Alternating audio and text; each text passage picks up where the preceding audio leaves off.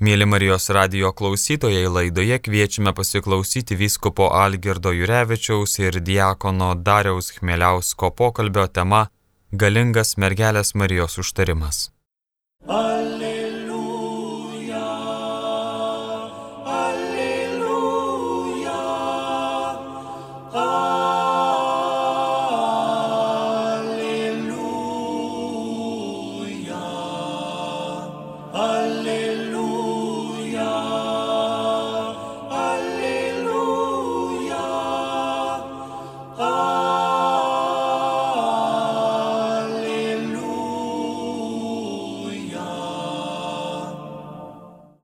Senajame testamente mes taip pat atrandame ne vieną tokį pavyzdį, istoriją, kur labai aiškiai matosi, kad yra tam tikras Dievo sprendimas. Dažniausiai tai būna susijęs su kažkokiom bausmėm, kuomet žmonės tampa nedori. Ir lemiamų momentų atsiranda Dievo žmogus, kuris su Dievu pasišneka, tarkim taip, ir Dievas savo sprendimą pakeičia. Tai pavyzdžiui, mes žinome labai tokį populiarų asmenį Abraomą, kuomet jis išgirsta, kad bus sunaikintas miestas, kad yra nuspręsta dėl nedorybių, būtent Sodomos nuodėmės tiesiog šaukėsi dangaus keršto ir tada Abromas derasi su Dievu. Pradžiai jisai klausė viešpaties, ar sunaikins, jeigu tame mieste bus 50 teisiųjų. Dievas pagalvoja, sako ne. Žinoma, Dievas kalbėjo per savo angelus. Tada Abromui tai pasisekė. Jis buvo puikus darybininkas ir jis tiesiog išsiderėjo, kad jeigu mieste bus bent dešimt teisiųjų, tas miestas bus nesunaikintas. Ir žinome toliau tą istoriją, kad Dievas išvedė teisiuosius iš miesto ir visgi bausmė ištiko tą miestą. Arba kitas atvejis, taip pat mums puikiai žinomas, tai yra Mozės istorija kai Mozė užėjo ant kalno kalbėti su viešpačiu, apačioje likusi tauta ilgai nesulaukė Mozės ir tuomet pasigamino aukso veršį ir ėmė įgarbinti. Ir vėl Dievo rūstybė užsidegė. Bet Mozė užtarė ir sako viešpatė, tai žiūrėk, tu savo to tautą išvedėjai iš Egipto nelaisvės, tu maitinai dykumoje, vedėjai per dykumą. Ir jeigu dabar sunaikinsi, na kažkaip Čia nesiriša šitie dalykai. Tegul tavo gailestingumas nugali. Ir Dievas pasigailėjo. Ir būtent šios istorijos, taip pat ir iš pranašų istorijų matosi, kad malda kartais net pakeičia Dievo, sakytume, planą. Ir mes negalime įsivaizduoti arba taip suprasti, kad jeigu Dievo valia yra tokia, kad viskas jau kitaip negali jokių pasikeitimų bet iš tiesų Dievas yra ėjęs į sandorą su žmonėje, į sutartį. O tai reiškia, kad Dievas nėra kažkoks diktatorius, kuris kitai pusiai tik diktuotų, kaip turi būti, bet jis išklauso. Ir jeigu tai yra sandora, jeigu tai yra sutartis, tai kaip Biblijos Dievas yra tas, kuris nori išklausyti žmogaus. Ir ypač nori išklausyti teisiųjų žmonių. Ir netgi tie pavyzdžiai rodo, kad Dievo sprendimas taip pat kartais yra koreguojamas, nes tai yra sandora, tai yra abipusis įsiklausimas, išklausimas. Ir šiame kontekste ir Dievo motina Marija taip pat yra tikrai galinga užtarėja, nes ji yra ta, kuri tarsi užstoja visą žmoniją. Iš tiesų tarp Dievo ir tautos, sakytume, teisiųjų yra tikrai tas toks labai ryškus santykis. Kaip ta komunikacija vyko, ar tai vyko apreiškimo būdu, ar tikrai Dievas kalbėjo žmonių širdise, sunku mums šiandien nuspręsti, galbūt ir vienaip ir kitaip galėjo būti.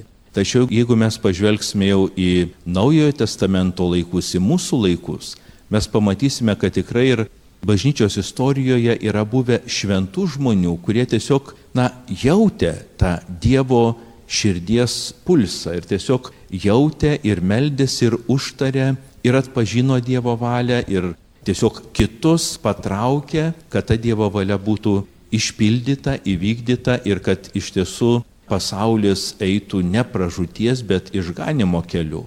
Kad ir, pavyzdžiui, šventasis Pranciškus, kuris išgirdo nuo kryžiaus viešpatės balsą eiti ir atnaujinti jo bažnyčią. Tai Dievo motina šiame kontekste tikrai yra ta, kuri yra be nuodėmės pradėtojai, be gimtosios nuodėmės yra pilna malonės, taigi jos užtarimas ir jos ta pagalba tikrai yra nepaprastai mums svarbi. Jeigu mes žvelgtume į Naujojo testamento laikus, tai tikrai tada pamatytume, kad toks labai ryškus ir be neriškiausias pavyzdys tai yra kanos vestuvės, kuriuose Jėzaus motina atkreipė dėmesį, kad ten yra kažkoks sunkumas, kad ten yra problema, kad ten gali būti jauniesiems nesmagu.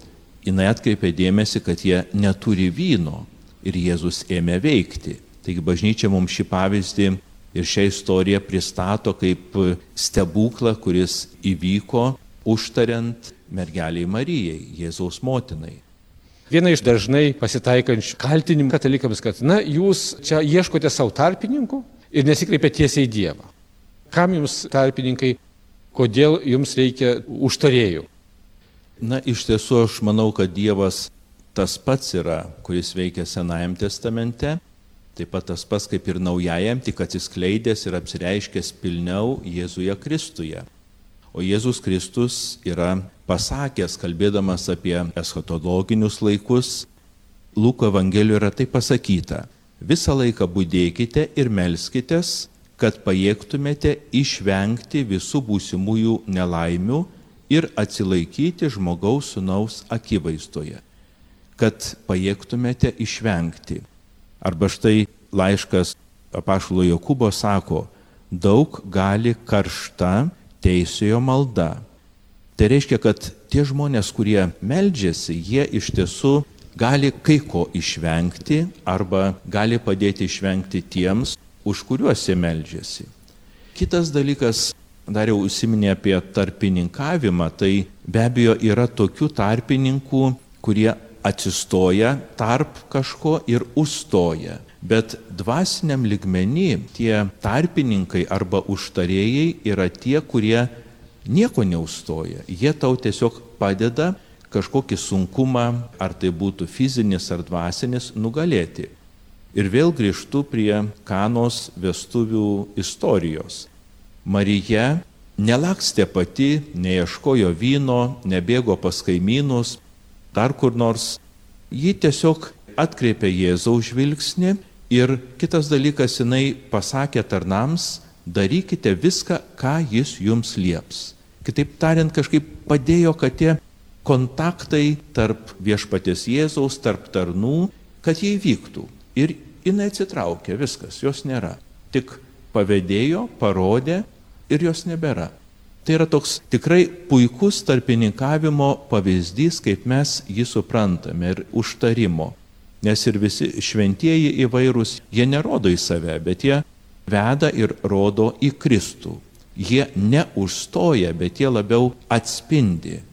Atspindi viešpaties meilę, gailestingumą, jo dėmesį ir daro viską, kad iš tiesų tas santykis tarp žmonių ir Dievo tą sandorą, nes mes esame naujosios sandoros vaikai, kad ta sandora įvyktų. Kai išbandymuose sviruoja tikėjimas Dievu, tikėjimas Jėzumi, gal lengviau melstį artimesnio ryšio su juo, būtent kreipiantis į Mariją. Gal Marija padės sustiprinti man tikėjimą? Aš manau taip. Mane labai imponuoja, kad Marija meldėsi kartu su apaštalais, laukdama šventosios dvasios ta žodis kartu meldėsi, jisai pasako, kad galbūt nėra taip tiksliai pasakyta, kad melsis ne Jėzų, bet melsis geriau gal į Mariją. O galbūt Jėzus per šį išbandymą jūs kaip tik veda kaip ir savo motiną pastovėti po kryžiumi. Išgyventi kažkokį suspaudimą, tam tikrą dvasios tamsą. Ir jūs kartu su Marija stovite po kryžiumi. Tai pabandykite atlikti tokį mąstymą ir įsijausti į motinos skausmą, į tą stovėjimą po kryžiumi, ką ji matė, ką ji jautė, ką ji jautė ir išgyveno, kai laikė ant kelių nuo kryžiaus nuimtą savo sūnų Ir aš manau, kad tas buvimas, jūsų buvimas tame suspaudime kartu su Marija jums tikrai padės prieiti ir iki Velykų, iki prisikelimo ryto. Kai ko nors prašome užtarimo arba tarpininkavimo, tai mūsų žmogiškam supratime reikia atsilyginti už tai. Reikia na, susimokėti, atsidėkoti. Tai dažnai galim įtarti ar pastebėti, ar ne, kad ir mūsų santykiuose su Dievu, ar mes irgi nepanašiai elgiamės. Tai iš tiesų ir Senajame testamente tie patys klausimai buvo keliami, kadangi tai yra labai panašu į tam tikrą kartais tokią komerciją. Vat aš tau paukojau ir Dieve, tu man tai suteik arba padaryk. Ir Dievas per pranašus nekartą sakė, kad ten man bjaurus jūsų peniukšlių taukai deginami, ten avinėliai, dinkite man iš akių, nes nematė žmonių širdies atsivertimo. Jiems šventikla ir Dievo namai buvo, na, priekybos centras. Aš atėjau su savo auka, susimokėjau ir Dievas turi man tą patį padaryti, bet tame nebuvo širdies. Tai iš tiesų labiausiai reikalinga išlaikyti tam tikrą tokią labai sveiką pusiausvyrą tarp to, kas yra tavo viduje, kokia auka ateina tau iš širdies, tai gali būti tas našlės skatikas ir to, ką, kokią sumą arba kokį kažkokį daiktą tu paukoji geriems tikslams, ar tai labdaringiams tikslams, gali būti ir karitui, ar kokiai kitai labdaros organizacijai, taip pat ir bažnyčiai, gali būti religiniai bendruomeniai. Senajame testamente tiesa buvo reikalaujama ta dešimtinė, tai yra 10 procentų nuo savo pajamų, kad būtų paukota šventyklai. Ir šventykla vykdė labai daug funkcijų. Vykdė ir tokius socialinės funkcijas, ir rūpinos ir seneliais. Krikščionybės laikais irgi kai kurios religinės bendrijos, bendruomenės turi tą dešimtinę. Katalikų bažnyčioje mes tikrai nereikalaujame tos dešimtinės, tačiau labai prašome paremti bažnyčią, paremti bažnyčios misiją, jos ir gailestingumo darbus, ir Dievo žodžio skelbimą, ir katechezę. Ir mes džiaugiamės, kad labai daug funkcijų mūsų laikais iš bažnyčios paėmė valstybė. Pavyzdžiui, anksčiau tai tiek vienuolynai ir bažnyčios turėjo ligoninės, špitolės, tai šiandien mūsų kalba sakytume, tai yra senelių namai, našlaičiais rūpinosi, našlėmis, o dabar valstybė, na ir valstybė, bet tiesa, ne 10 procentų, ten jau keletą kartų daugiau, bet iš žmonių paima. Todėl bažnyčia kažkaip nedrįsta reikalauti tos dešimtinės. Yra tradicija, na, tokių padėko ženklų, kurie irgi yra apčiuopiami bažnyčių, ar ne? Taip, tai yra tai vadinami votai, kuomet žmonės meldžiasi kokią nors intenciją ir po to pažada, kad jeigu iš tiesų patirs malonę, kurios meldžia, tai paliks toje šventovėje dėkingumo ženklą. Tačiau, kai mes taip nukrypom labai tokias žemiškas temas, aš taip pagalvojau, kai mes šiandien kalbame apie mergelę Mariją, o kągi Marija paukojo. Iš tiesų jį paukojo visą savo gyvenimą. Ir Žinoma, mes šiandien suteikėme Dievo motinai labai daug gražių titulų, va, visa litanija gražiausių yra titulų.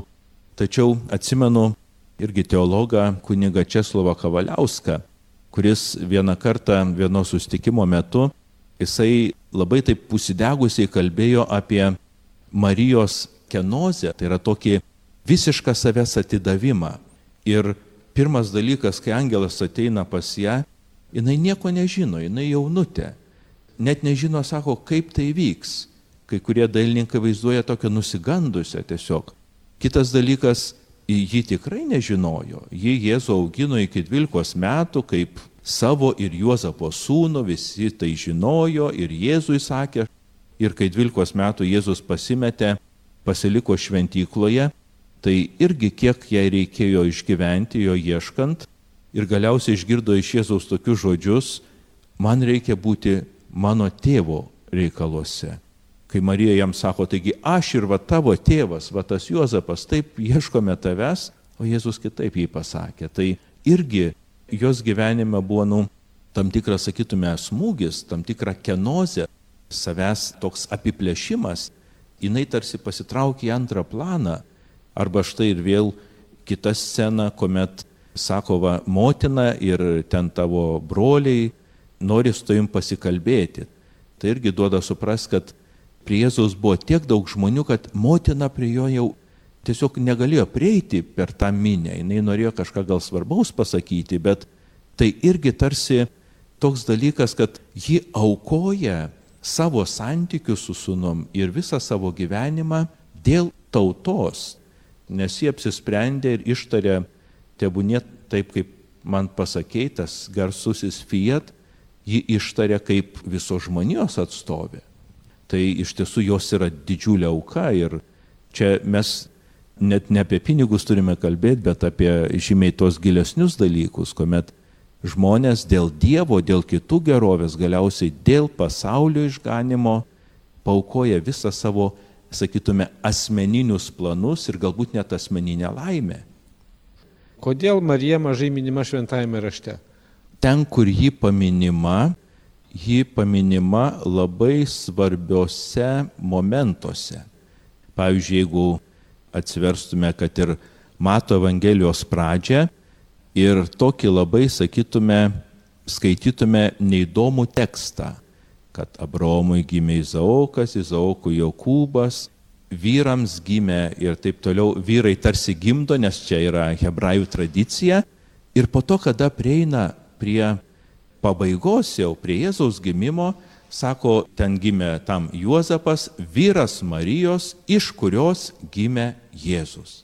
Viskas. Čia jau yra Marijos išskirtinumas, kad ne iš Juozapo, bet iš Marijos. Ir be abejo, tai apverčia visą hebrajišką mąstyseną aukštinkojomis, bet tai yra reikšmingas labai tekstas, nors atrodo vien tik vardai ir nieko nepasako. Arba štai tas tekstas yra apreiškimo tekstas, anot Antano Maceinos, kad jeigu Marija sakytų, na žinai, Angelė, aš truputį dar pagalvosiu, gal aš kitaip mastau, gal tai kur nors ieško kito.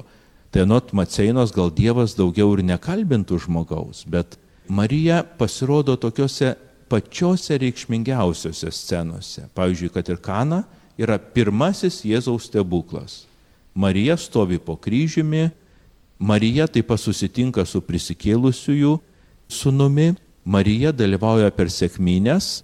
Aš sakyčiau, kad ji yra būtent ten, kur labiausiai jos reikia. Ir jos tas buvimas, kiekvienas paminėjimas šventame rašte, jis tikrai reikšmingas ir pasakantis, žymiai daugiau, negu kad, na, galima išskaityti kartais. Pirmą kartą perskaičius vieną ar kitą švento rašto tekstą. Kai meldiesi rožinio maldą, ateina visokios mintis. Ar leisti joms taip plaukti, ar stengtis jas nuvyti šalin? Jei tos mintis yra tikrai dvasinės ir kalbėdamas sveika Marija, daug kartų mastai ir galvoja apie tą slėpinį, tai tiesiog labai gerai yra. Jei tos mintis yra būtinės, tai tiesiog tuo metu, kuomet save pagauni, kad galvoja apie darbą, apie kažkokius rūpešius, problemas, tai tiesiog tos rūpešius, tos sunkumus taip pat įpinkite į maldą ir sakykit, va, Dieve, žiūrėk, koks silpnas esu, net melstis nemoku, va, kalbu tą maldą, o galvoju apie ten kažkokį tai darbinį klausimą. Dieve, įspręstą klausimą padėk man melstis, nes kaip ir apaštalai viešpatės Jėzaus prašė, jie sakė, viešpatė išmokyk mus melstis. Tai reiškia, tai yra dalykas, kurio mes turime visada mokytis ir pagavę, kad mes jau esame kažkur kitur, ne maldoje, nors atrodo, kad melžiamės, tiesiog bandykime grįžti maldą. Bet jeigu tos mintis tikrai ateina, na, labiau vedančios į gelmę, labiau padedančios suprasti vieną kitą slėpinį, kurį mes meldėmės, na tai ačiū Dievui už tai. Na, jeigu kalbam apie užtarimą, tai reiškia, kad mes bandome paveikti kažkieno valią. Čia ne apie Dievo valią, kad Dieve mes norim, kad tai būtų, mes prašom kažko, ir ieškom užtarėjų, kas mums padėtų. Tai štai ta Dievo valia, kuri dažnai mums atrodo na, tokia nesuprantamas. Tai Senojo testamento pavyzdžiai, kad na, Dievas leidžiasi būti paveikiamas, ne, kad jis ir keičia tą savo valią. Padėkit mums suprasti iš tiesų tą mūsų teisingą, ne kaip tikinčiųjų santyki su Dievu ir su jo valia. Tai be abejo, teologija yra įvairiausių tokių teorijų, kurie sako, kad yra tam tikra predestinacija, nulemtis, kad jeigu jau Dievas tai padarė, patvarkė, tai jau tu žmogau čia nepasispardėsi, kitaip ir nebus. Tačiau yra vienintelė nulemtis Dievo, kad Dievas nori visus mus patraukti išganimą kad visi būtume laimingi, visi pasiektume tokią, na, savo visų lūkesčių įsipildymo pilnatvę. Ir žinoma, šiame kelyje tai yra iš tiesų kelias ir tai yra didžiulis procesas. Juk mes žinome, kad turime būti ir, na, neegoistiški, ir artimo meilę praktikuoti, ir gailestingi, bet tai neužtenka deklaruoti, tuo reikia ir gyventi, o kai mes susidurėme su kasdienybė, tai ir supykstame, ir būname irgi negailestingi, ir kitus įžeidžiantis, ir po to sąžinę sąskaitą atlikdamas suvoki, kad, na, viešpatė padėk man.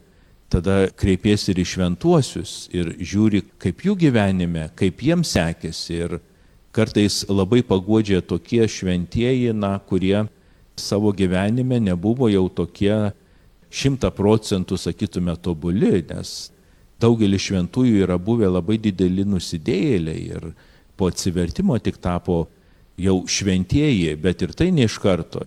Turėjo pereiti ilgą dvasinio augimo kelią. Tai aš manau, kad mūsų santykis su Dievu tikrai nėra statiškas, tarsi būtų primesta kažkas, bet kiekvienas iš mūsų turime pašaukimą ir ieškome sakytume, vietos pasaulyje, kaip galėčiau labiausiai būti laimingas, save realizuoti, kad būčiau ir naudingas kitiems, ir bendruomeniai, bendruomenės nariams, visuomeniai ir galiausiai pats žmogus taptų laimingas.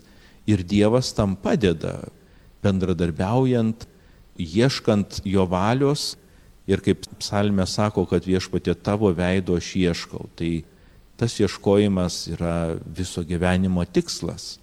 Ir jeigu visą gyvenimą ieškai viešpatės veido, tai matys ir amžinybėje tą viešpatės veidą.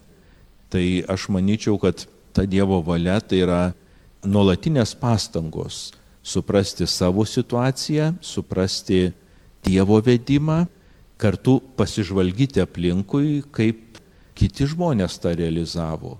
Nes yra kaip ir minėjau, pašaukimas, bet dar yra pašaukimas pašaukime.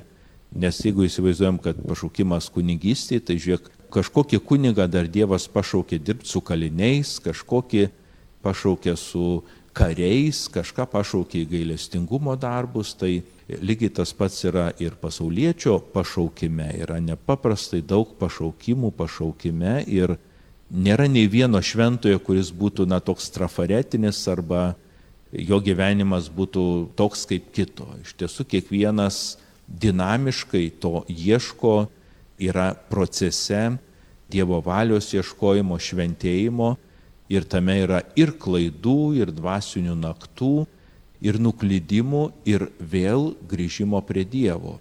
Tai dėl to ir pasižymi šventas žmogus visų pirma, todėl, kad jis yra nusidėjėlis, kuriam reikia Dievo, jo vedimo ir, ir kartu šventųjų užtarimo ir pagalbos. Matydami Senojo testamento ar netos pavyzdžius ir Naujojo testamento pavyzdžius, atrodo, kad mums čia lik ir prikišamai parodoma, kad tas mūsų gyvenimas yra labai konkretus, su konkrečiais prašymais, su konkrečiu užtarimu ir kur mes nesame vieni, kur mes esame vis tiek keliese. Abraomas meldžiasi už savuosius, Mozė meldžiasi už savuosius. Postumis patiems žiūrėti, kur ko reikia dar šitam pasaulyje. Kaip minėjai, kad ir Abromas meldžiasi už savuosius, Mozė meldžiasi už savuosius, Marija taip pat meldžiasi, nes mes Naujajam testamente turime nuostabę mergelės Marijos maldą, tai vadinama Magnificat. Ji pirmiausiai pradeda Dievą šlovinti, tiesiog pradžiunga šlovinimu, po to sako didžių dalykų padarė, man visagalis, Tai yra toks asmeninis momentas. Aš prisimenu, ką man Dievas yra padaręs.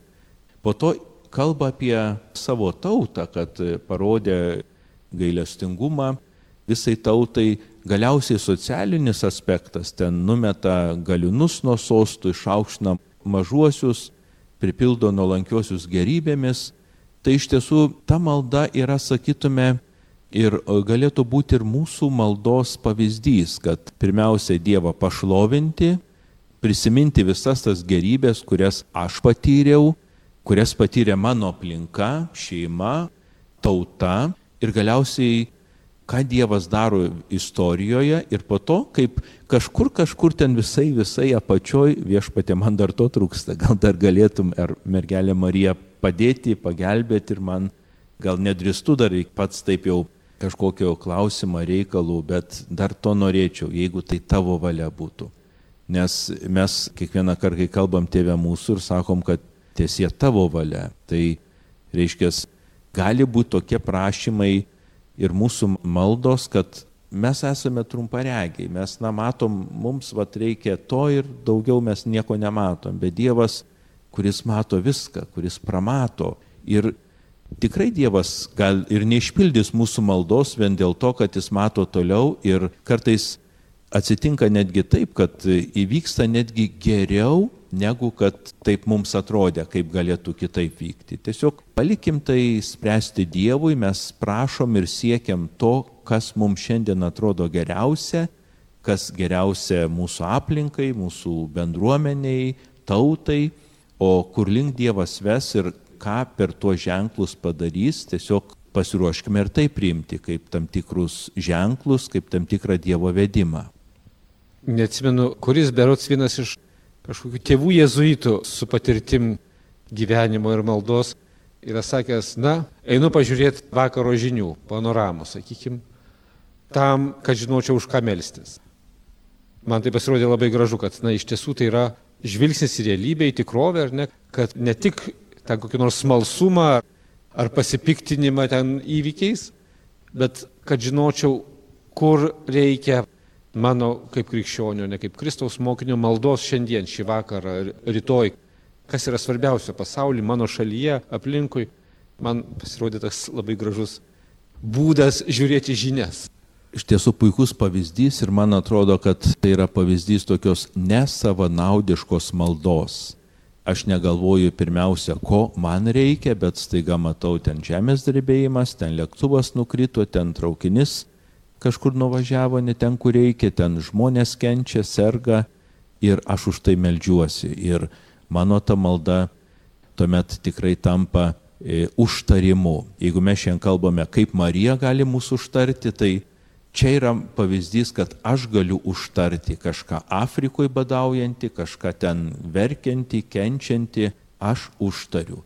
Nematau tos maldos padarinių, galvočiau ir norėčiau, kad vos pasimeldžiu, jau iškart ten ir duona iš dangaus nukrito ir dar kažkas, bet iš tiesų žinau ir pasitikiu, kad Dievas tikrai pasirūpins ir išves tuos žmonės iš tų visų bėdų, nelaimių.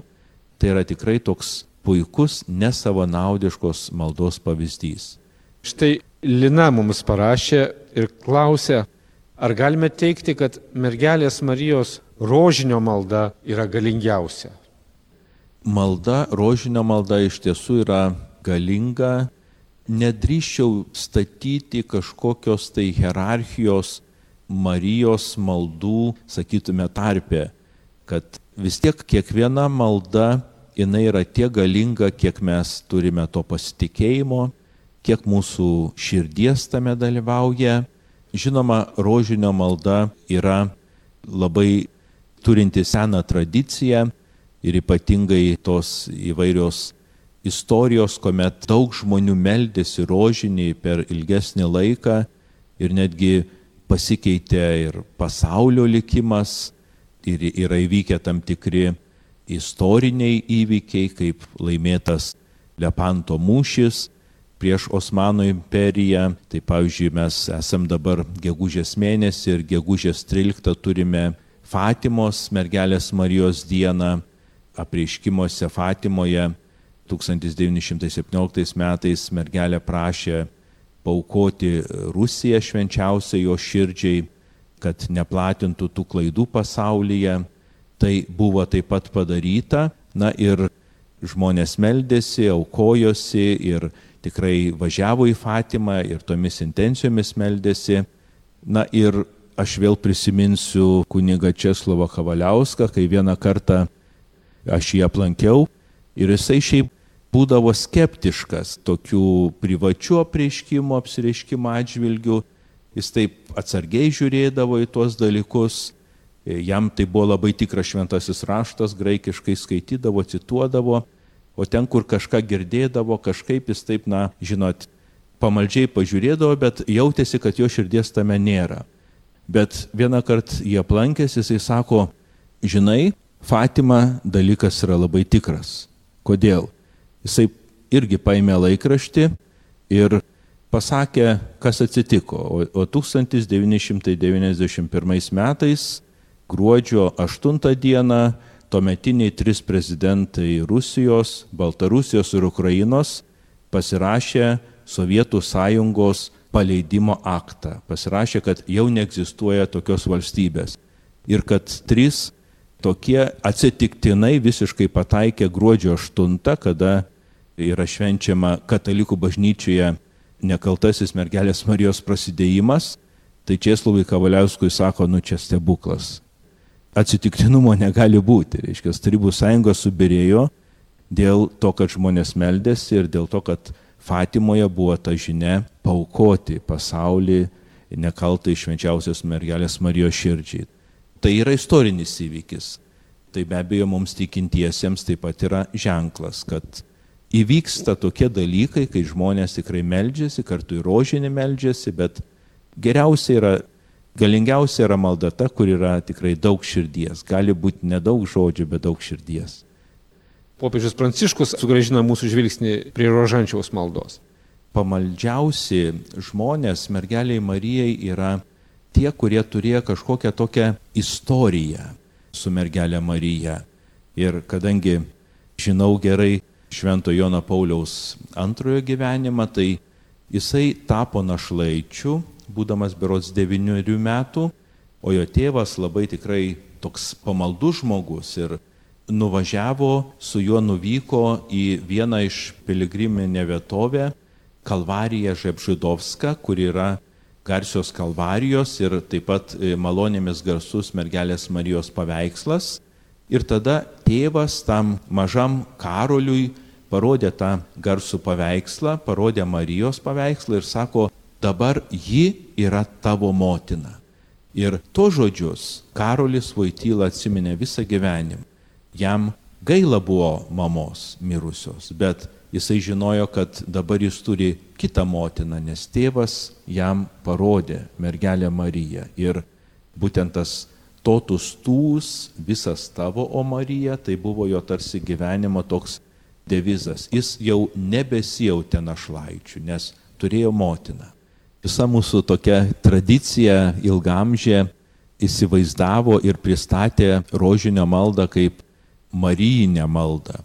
Ir kuomet šventasis Jonas Paulius II įtraukė dar vieną šviesos dalį, šviesos liepinius, jisai tame savo paštališkajame laiške apie rožinį tiesiog parašė, kad tai yra kristologinė malda, nes šviesos slėpiniai tai yra būtent labiau atspindintis Kristaus viešąją veiklą.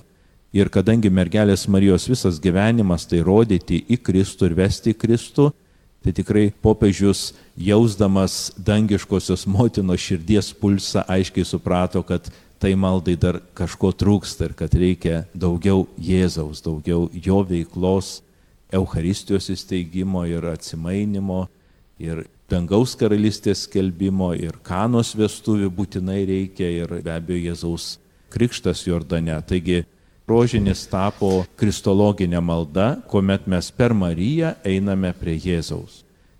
Na ir labai dar gražus klausimas pabaigai. Ar nieko neprašyti yra blogai?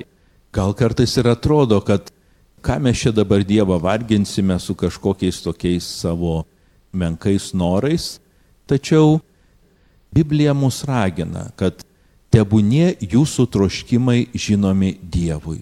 Tikrai tikime, kad Dievui viskas yra žinoma, bet kuomet mes maldoje įsivardiname tikrai savo tos troškimus, Ir tai mums patiems yra lengviau, kad suprasti, pamatyti, ko mes siekiame, kur mes einame ir ar ta mūsų ta dvasinė kelionė tikrai yra kartu su viešpačiu. Taigi Dievui tikrai nenusibos, net ir mūsų tie menki kažkokie troškimai arba kažkokie prašymukai, jau net neprašymai, nes kaip Biblija sako, kad tebūnie jūsų troškimai žinomi Dievui.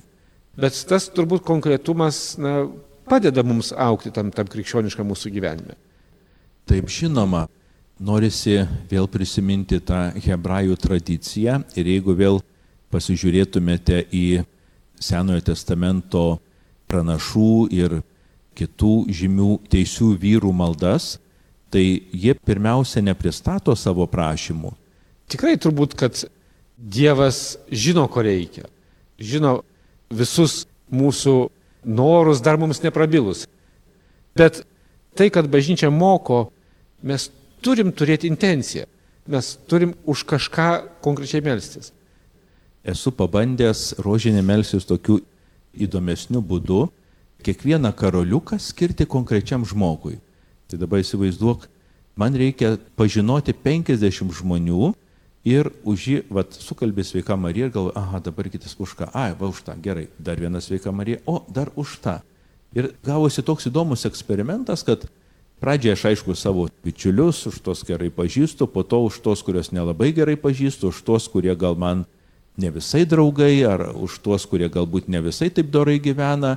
Ir galiausiai baigiau rožinį, supratau, kad į tą maldą buvo įtraukti visi ir artimieji, ir tolimesni, ir bendradarbiai, ir ten bendrakursiai, ir dar daug kas, ir galiausiai tie, kurie galbūt ten, kaip sakant, konteineriuose rausėsi. Ir tada tai suvokiau, kad tikrai ta malda iš vis turi viską apimti, nes Dievui kiekvienas žmogus rūpi, o kartais tas sunus palaidūnas ar tas latras ant kryžiaus net ir atrodo, kad daugiau rūpi.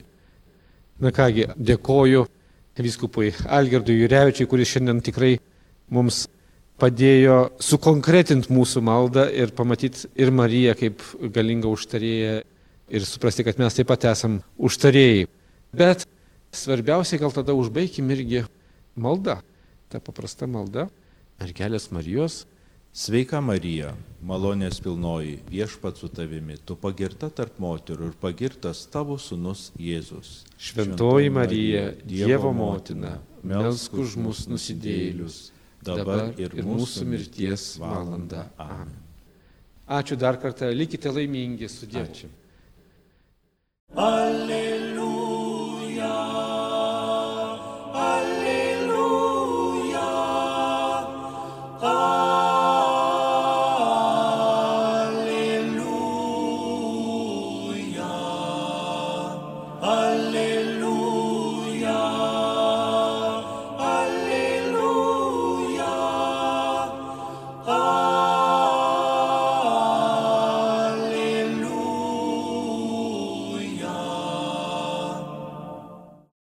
Laidoje klausėmės vyskupo Algirdo Jurevičiaus ir diakono Dariaus Chmieliausko pokalbio tema Galingas mergelės Marijos užtarimas. Likite su Marijos radiju.